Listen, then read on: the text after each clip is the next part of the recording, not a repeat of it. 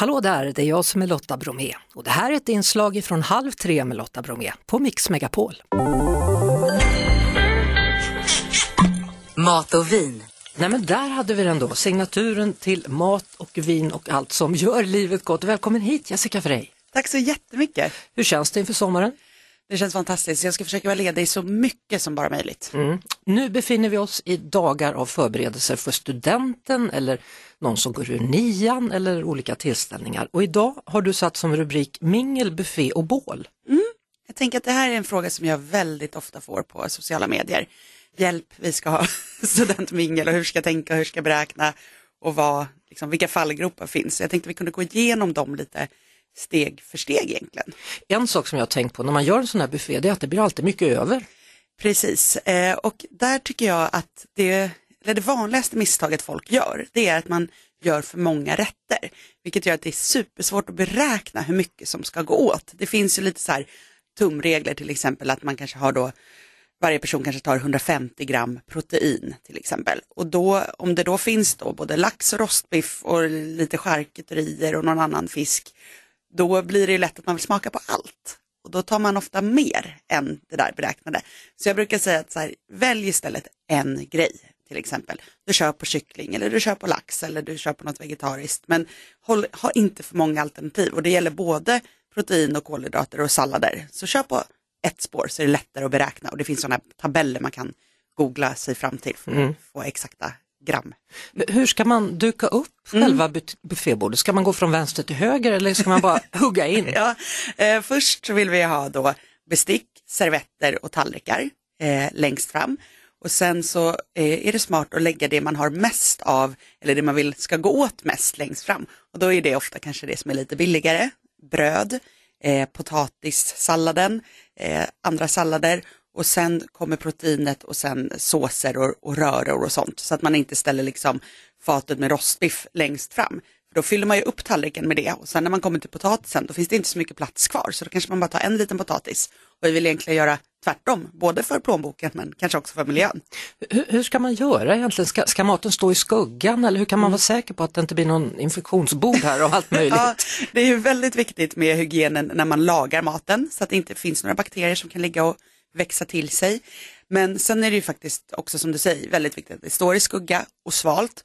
Eh, ett bra knep är att man har fryst in massa kylklampar så att under varje tallrik så har du kylklampar så att du ställer fatet med, med lax på kylklampar så att det håller sig kallt. Eh, och de kan man ju linda in då i en fin kökshandduk eller något så att det ser lite trevligt ut ändå. Du, du är så himla söt för det är alltid så man ska linda in det lite eller göra det lite extra piffigt. Ja men det, det är ju också det där, det är så töntigt att säga men just att man äter med ögat också. Men det är ju trevligt och hellre då kanske att man har precis som när man gör med julbord eller vad som helst, att man inte lägger upp så mycket åt gången utan ska du ha liksom en kall sås, tzatziki till exempel, då kanske du häller upp den i fyra, fem småskålar så att du kan byta från kylskåpet och ställa fram nytt och fräscht hela tiden. För vi vet ju alla om det står en jättestor skål och så är det liksom lite kvar i botten. Mm. Man blir inte så sugen på att ta det där. Man blir inte det, nej. nej. Apropå att vara sugen då, eh, är det varmt och fint väder, vilket vi hoppas håller i sig här nu de närmsta veckorna, mm. eh, drinkar eller bål, vad kör vi? Ja, det beror ju lite på hur mycket gäster vi har. Bål är kul för det är festligt, liksom, stor skål och sådär. Men det är också där att det lätt blir lite slabbigt och söligt och barn och kladd som ska hällas. Eh, jag tycker ett bra trevligt sätt är att man ställer upp glas, vinglas eller champagneglas kan man ju köpa på eh, möbelvaruhusen väldigt billigt egentligen. Och där tycker jag att köp hellre riktiga glas. Det sätter sån otrolig stämning och så kan man ha dem på vinden eller något och plocka fram när det är fest istället för plastglasen. Mm. Och i botten på varje glas kan vi då hälla en liten puré av till exempel har du rabarber i trädgården koka upp rabarberna med socker, mixa till en puré så får du en rabarberpuré. Eller om du har mycket jordgubbar eller vinbär eller något annat. Och så spritsar man ner den här purén lite, någon matsked i varje glas och så kan man då toppa med vad man vill, alkoholfritt bubbel eller bubbel med alkohol eller bubbelvatten bara. Så har du ganska enkelt en festlig drink och så får gästen själv då toppa med det den vill, men du har preppat då med botten och du kan ju ha gjort så här snyggt på kanterna med, med socker om man vill wow. ha lite extra. ja, eh, är det något som, som ehm, alltså det, det, brukar vara så att man kan eh, skära gurkskivor och lägga i eller Mm. frysta jordgubbar. Gäller det fortfarande eller är det något annat som är modernt nu? Ja, alltså för, för det är smart med liksom frysta bär för det hjälper till att, att hålla kylan.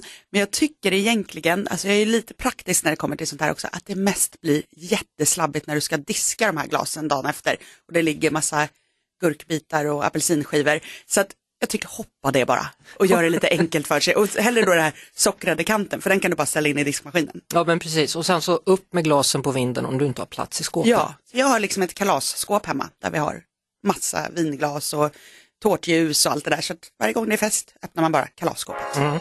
Mingel, buffé och bål, var hittar vi dig på Instagram? Eh, där heter jag bara kort och gott Jessica Frey. Där finns ännu mer tips. Det var det. Vi hörs såklart igen på Mix Megapol varje eftermiddag vid halv tre.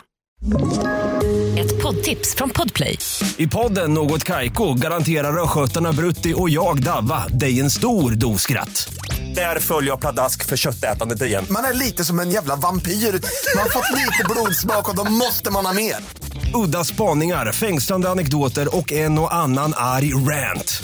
Jag måste ha mitt kaffe på morgonen för annars är jag ingen trevlig människa. Då är du ingen trevlig människa, punkt. Något Kaiko, hör du på Podplay. Därför är gardinerna.